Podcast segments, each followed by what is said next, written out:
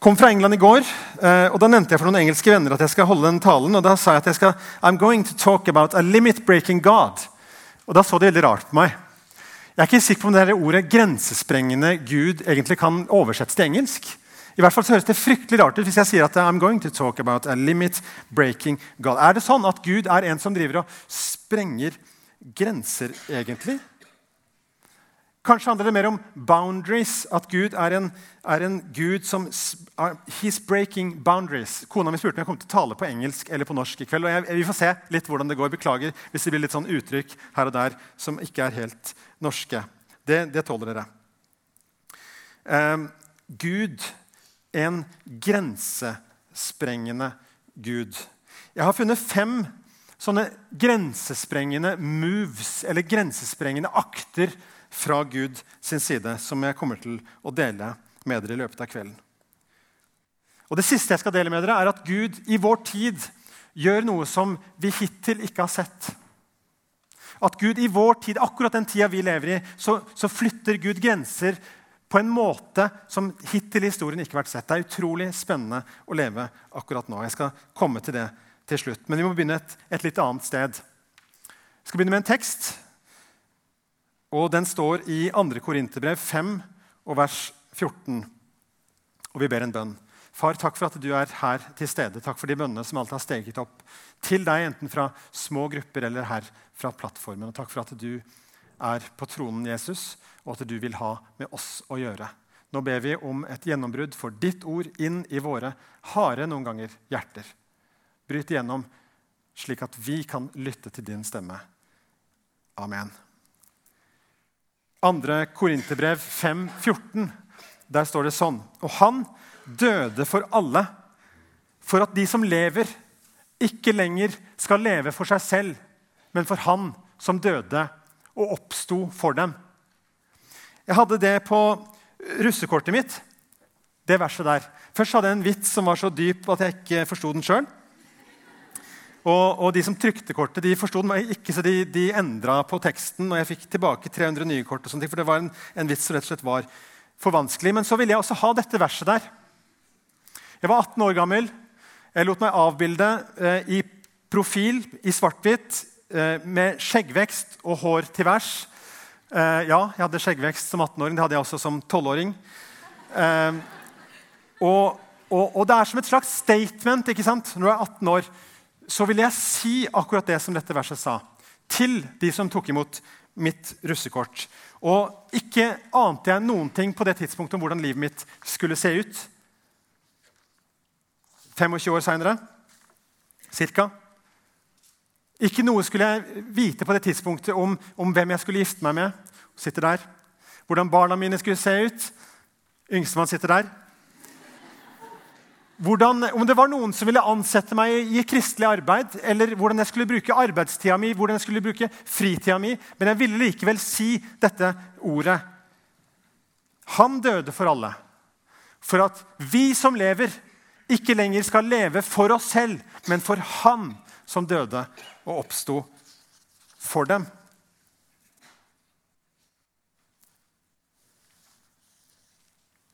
Før jeg sier noe mer, så vil jeg si noe om grenser. Har du tenkt på hvor fantastisk grenser er, egentlig? Huden for eksempel, er en sånn grense. Hvis du tar hånda di nå, så kan du klype deg litt i huden din. Så kan du kjenne at dette er grensen til din kropp. Den er hudfarga.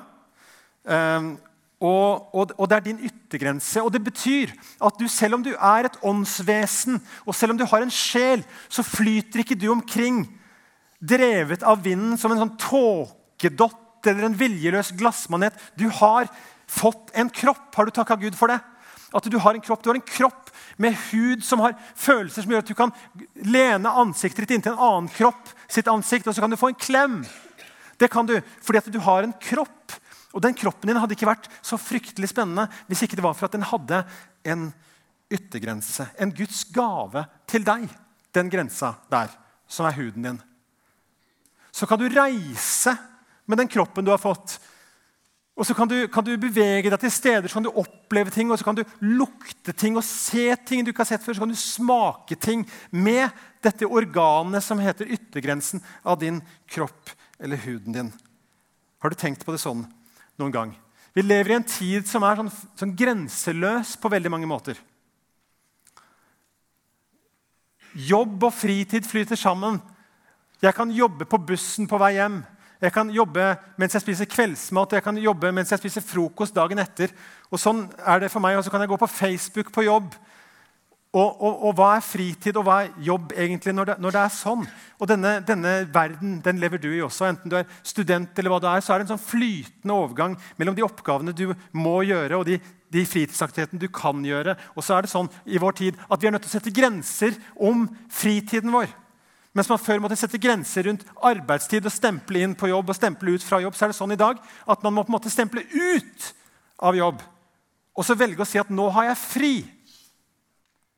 Nå er jeg ikke logga på. Nå er jeg ikke tilgjengelig, for nå hviler jeg. Og Det er faktisk ganske viktig. det der. Jeg vet ikke, Kanskje er det en og annen av dere som, må, eh, som har behov for å Altså, Gud skapte verden på seks dager, og så hvilte han på den syvende. Gud hadde behov for å hvile, sier han. Og så er det kanskje noen som må justere litt på selvbildet sitt hvis man tror at man ikke trenger det. Er du tilgjengelig natt og dag? Lever du dette grenseløse livet?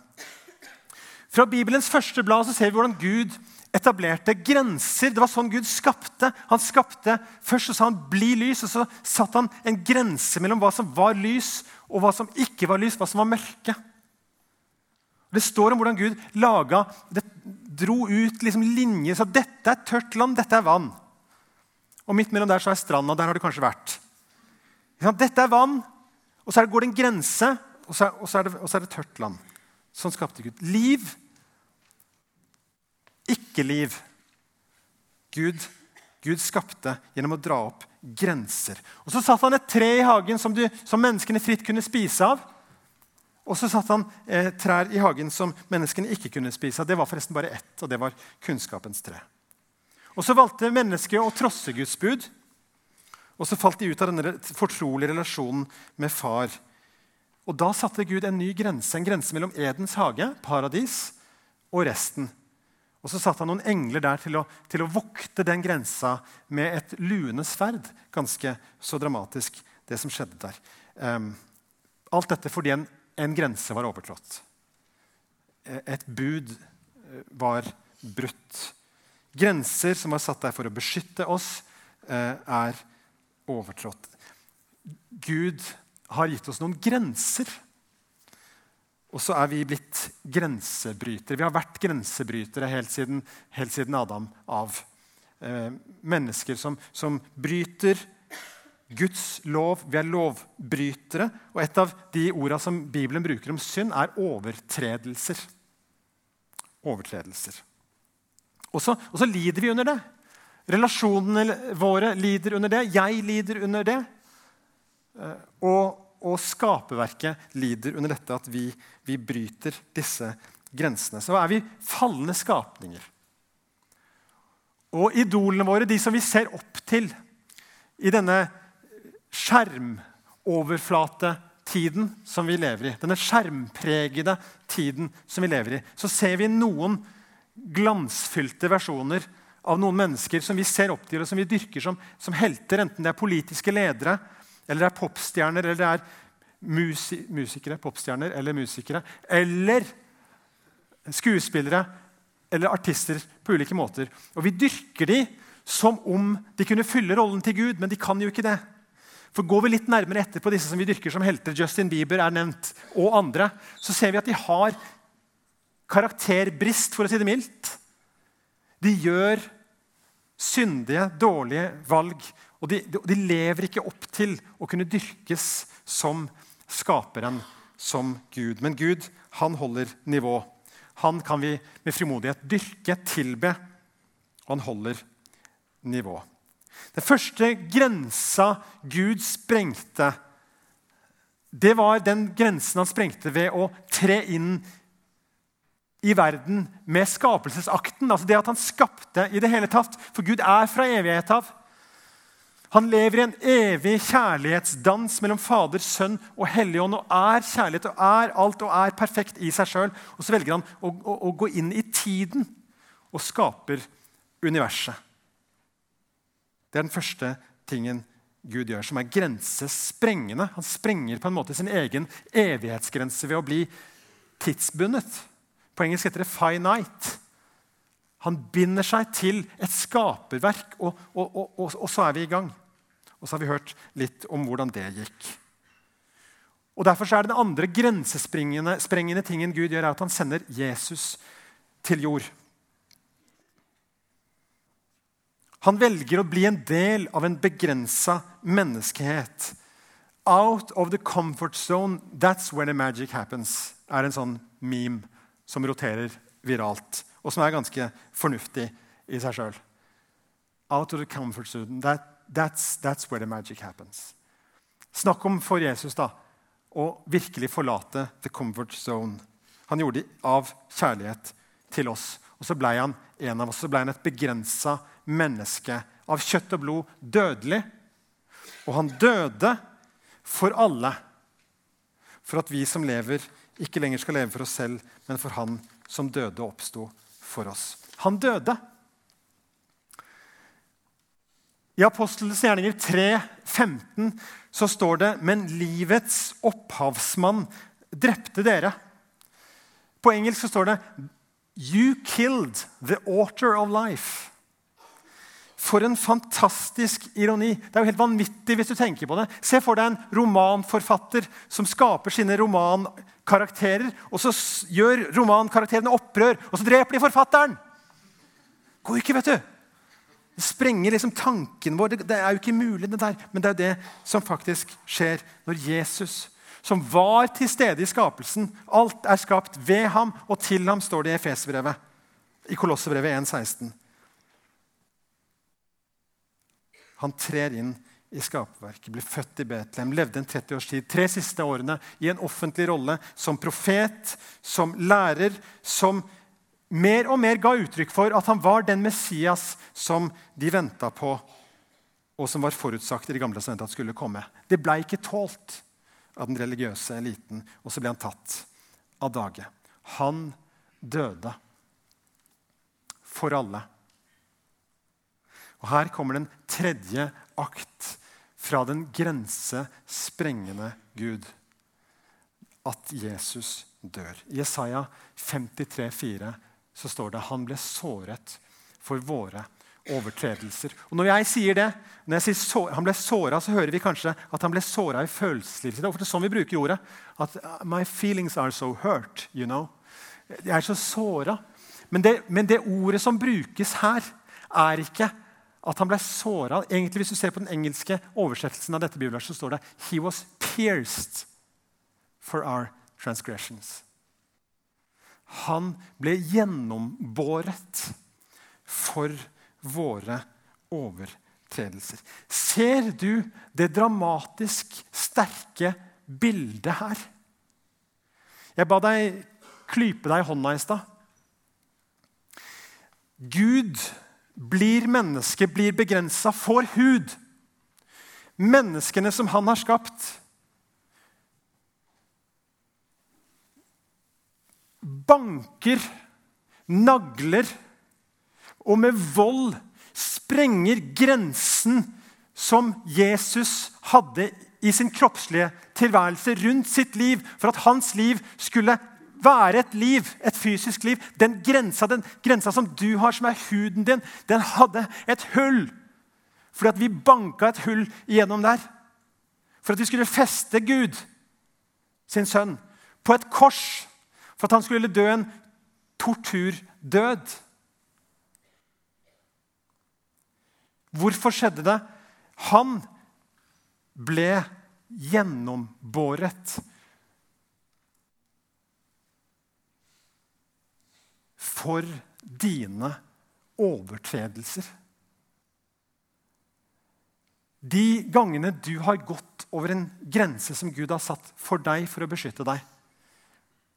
De, alle de overtredelsene fra Adam via David, via Peter og inn i denne flotte salen med dere flotte, prektige, i positiv forstand, ungdommene.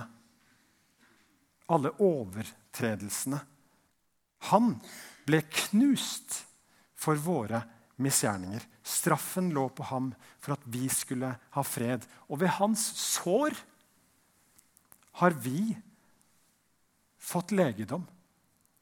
Hans sår ble til legedom for deg. Det er den tredje grensesprengende akten fra Gud.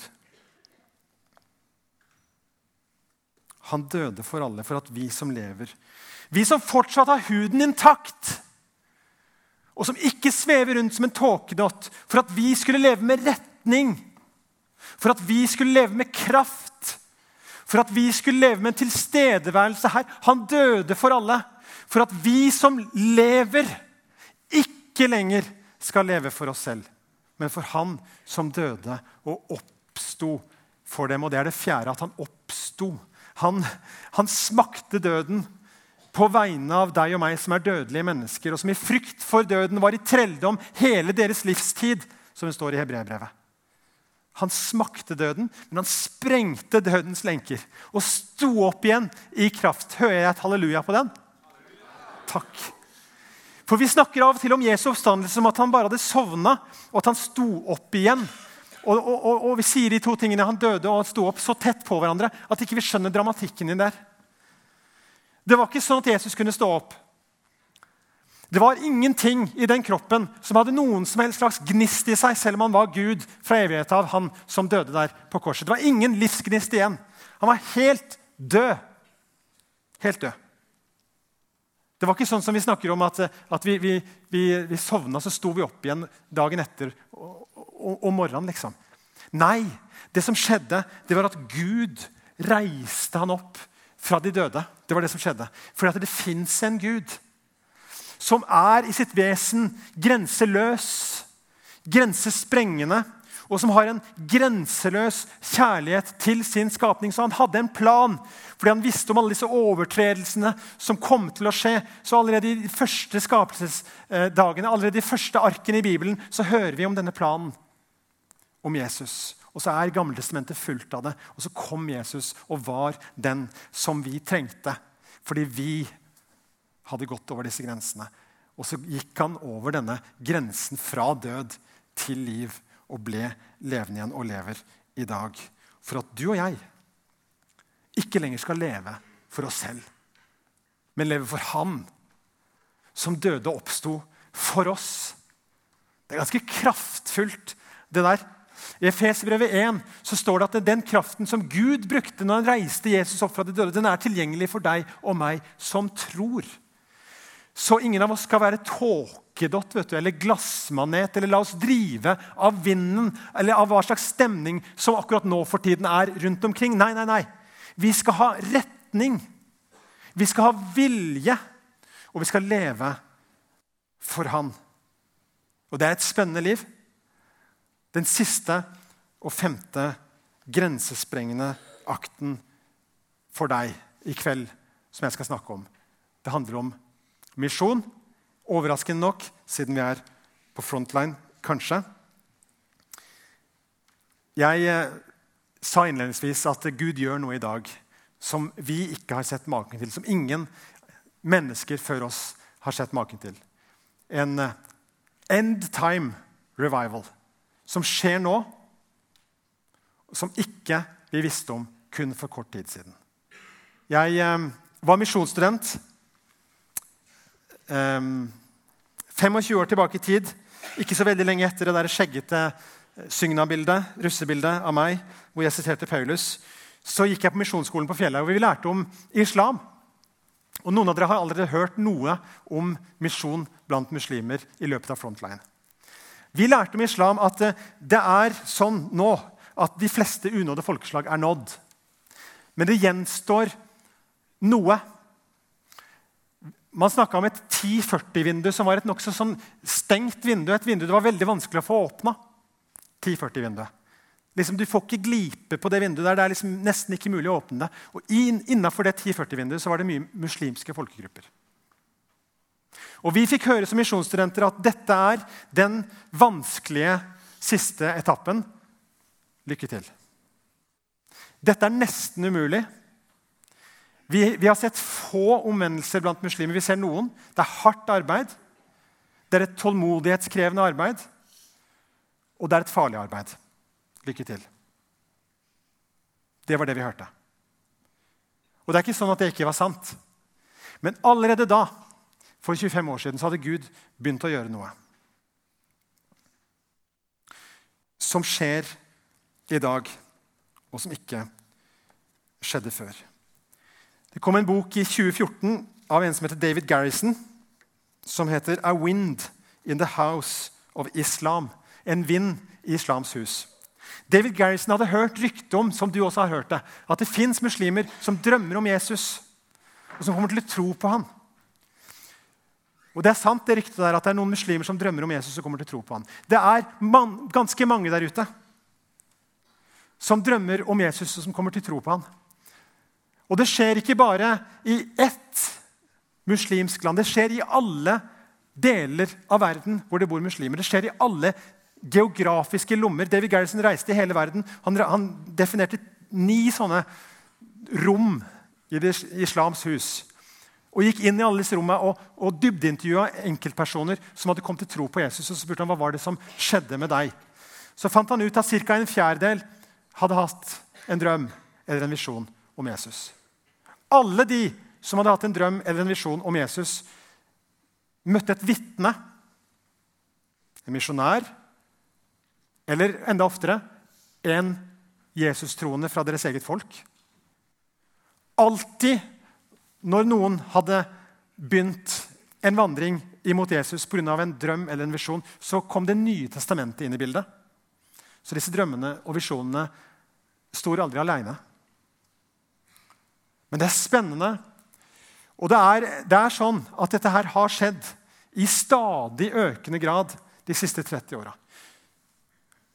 Og, og, han dokumenterte Han, han landa han, litt sånn forskeraktig, så, så ville han forsøke å finne ut hva, hva er det vi snakker om her. Så han, han sa det at eh, han, han, han leita etter movements.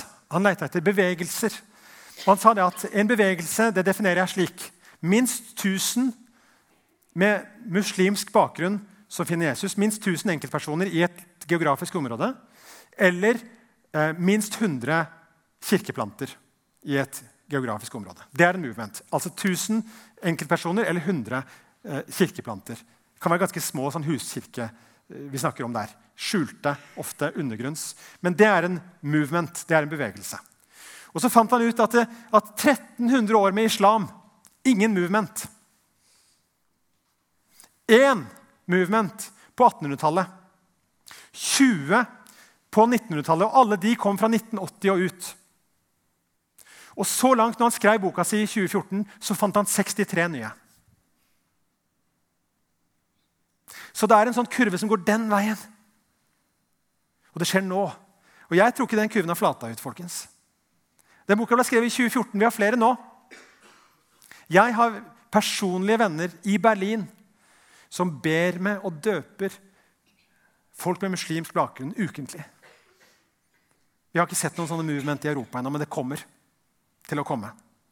Gud gjør dette her. Det er Gud som er grensesprengende, som sprenger de grensene for hva vi trodde var mulig når vi satt i klasserommet oppe på Fjellhaug og hørte om det vinduet som er nesten umulig å åpne. Og så gjør Gud noe synes det er veldig fascinerende å høre at for ca. 30 år siden så starta de en bønnekampanje som het 30 dagers bønn for den muslimske verden. Cirka for 30 år siden. Den har fått ganske stor og økende oppslutning. Der kristne kommer sammen under ramadan for å be for muslimer. Ca. 30 år siden det starta. Jeg tror at det er en sammenheng mellom bønn og det som nå, akkurat nå, skjer. Og som du får lov til å være en del av. Jeg ville bare dele det med deg til en oppmuntring. At Gud er en levende Gud. Gud er på tronen. Han som skapte, han som kom inn i verden, han som døde for deg, han som sto opp for deg, han bryter i dag grenser fordi det er tusenvis, fordi det er millionvis som ikke lenger lever for seg selv, men for han som døde og oppsto for dem. Folkens, dette er ikke tiden for å leve for seg selv. Dette er ikke tiden for å liksom legge planer om å ha bikkje og bolig eller hytte og hus og tenke hvordan kan jeg vinne denne konkurransen som handler om å karre til seg mest mulig, og den som har mest når han dør, han vant. Det er jo ikke sånn. Dette er jo ikke tiden for å tenke sånn, eller for å ha sitt eget ego som sentrum i livet og sirkle rundt der. Dette er tiden for å ha et annet orienteringspunkt i livet, som heter Jesus Kristus, og leve for Han. Og så kan det bety veldig mange ting for deg. Det er jo ikke sånn at vi lever i en tid hvor misjon har blitt lettvint. Fordi om Gud søker etter våre muslimske søstre og brødre på en helt spesiell måte akkurat nå, og oppsøker dem i deres drømmer og gir dem visjoner og syner. Det er jo ikke sånn at det er lettvint å drive misjon blant muslimer pga. det. Tvert imot, det er farligere kanskje enn noen gang. Og så vet ikke jeg om det er muslimmisjon Gud kaller deg til. Men jeg vet at han kaller deg til ikke å leve for seg sjøl. Til ikke å leve for deg sjøl. Og så vet jeg at han kaller deg inn i denne grensesprengende bønnebevegelsen. Og jeg har så lyst til å be, nå når vi nærmer oss en avslutning, om at du skal være med å be om et gjennombrudd i ditt liv. Der du ber om at du kan sprenge noen grenser. Og at du kan gå inn på områder du ikke trodde var mulig for deg å gå inn på. Og jeg tror at det starter med bønn. Kan du Commit yourself. Det er et engelsk ord. Kan du forplikte deg til å be? Kan du be om et gjennombrudd i ditt eget liv? Kan du be om et gjennombrudd i dine kristne venners liv? For det som Gud gjør nå Han har ikke vendt ryggen til Europa. Han har ikke tenkt å si at nå er det alle andre steder det skjer, men ikke her. Han vil at det som er hans end time revival, skal ramme ditt nabolag like mye som de lommene der ute. Ditt nabolag. Dine ikke-kristne venner. Jeg vet ikke hva Gud kaller deg til av bønn for deg sjøl, av bønn for dine kristne venner, av bønn for dine ikke-kristne venner, av tilstedeværelse blant dine ikke-kristne venner, hvor du er sammen med dem og har et naturlig vennskap med dem. Og et, på et eller annet tidspunkt så, så, får du denne frimodigheten som ikke du vet hvor er fra, og sier kanskje du og jeg skal lese Bibelen sammen. Og så kan Gud få komme inn og sprenge en grense i det livet også. Den Gud som skapte verden. Den Gud som reiste Jesus opp fra de døde, den Gud bryter inn i menneskers liv i dag. Han bryter inn i ditt liv hvis du lar han. Til et gjennombrudd, til en ny fase, kanskje. Jeg vet ikke hvor du er i ditt kristenliv. Men jeg tror det starter med bønn. La oss be. Herre, vi takker deg av hjertet for at du som er en så stor og allmektig og evig grensesprengende Gud, valgte å skape denne vakre jorda. Og så har vi ødelagt så mye. Men du sendte din sønn, og han ga sitt liv. Han ble gjennombåret for at vi skulle få tilgivelse for våre grenseovertredelser. Og så sto du opp igjen, Jesus, og så lever du i dag. Og så er du midt iblant oss.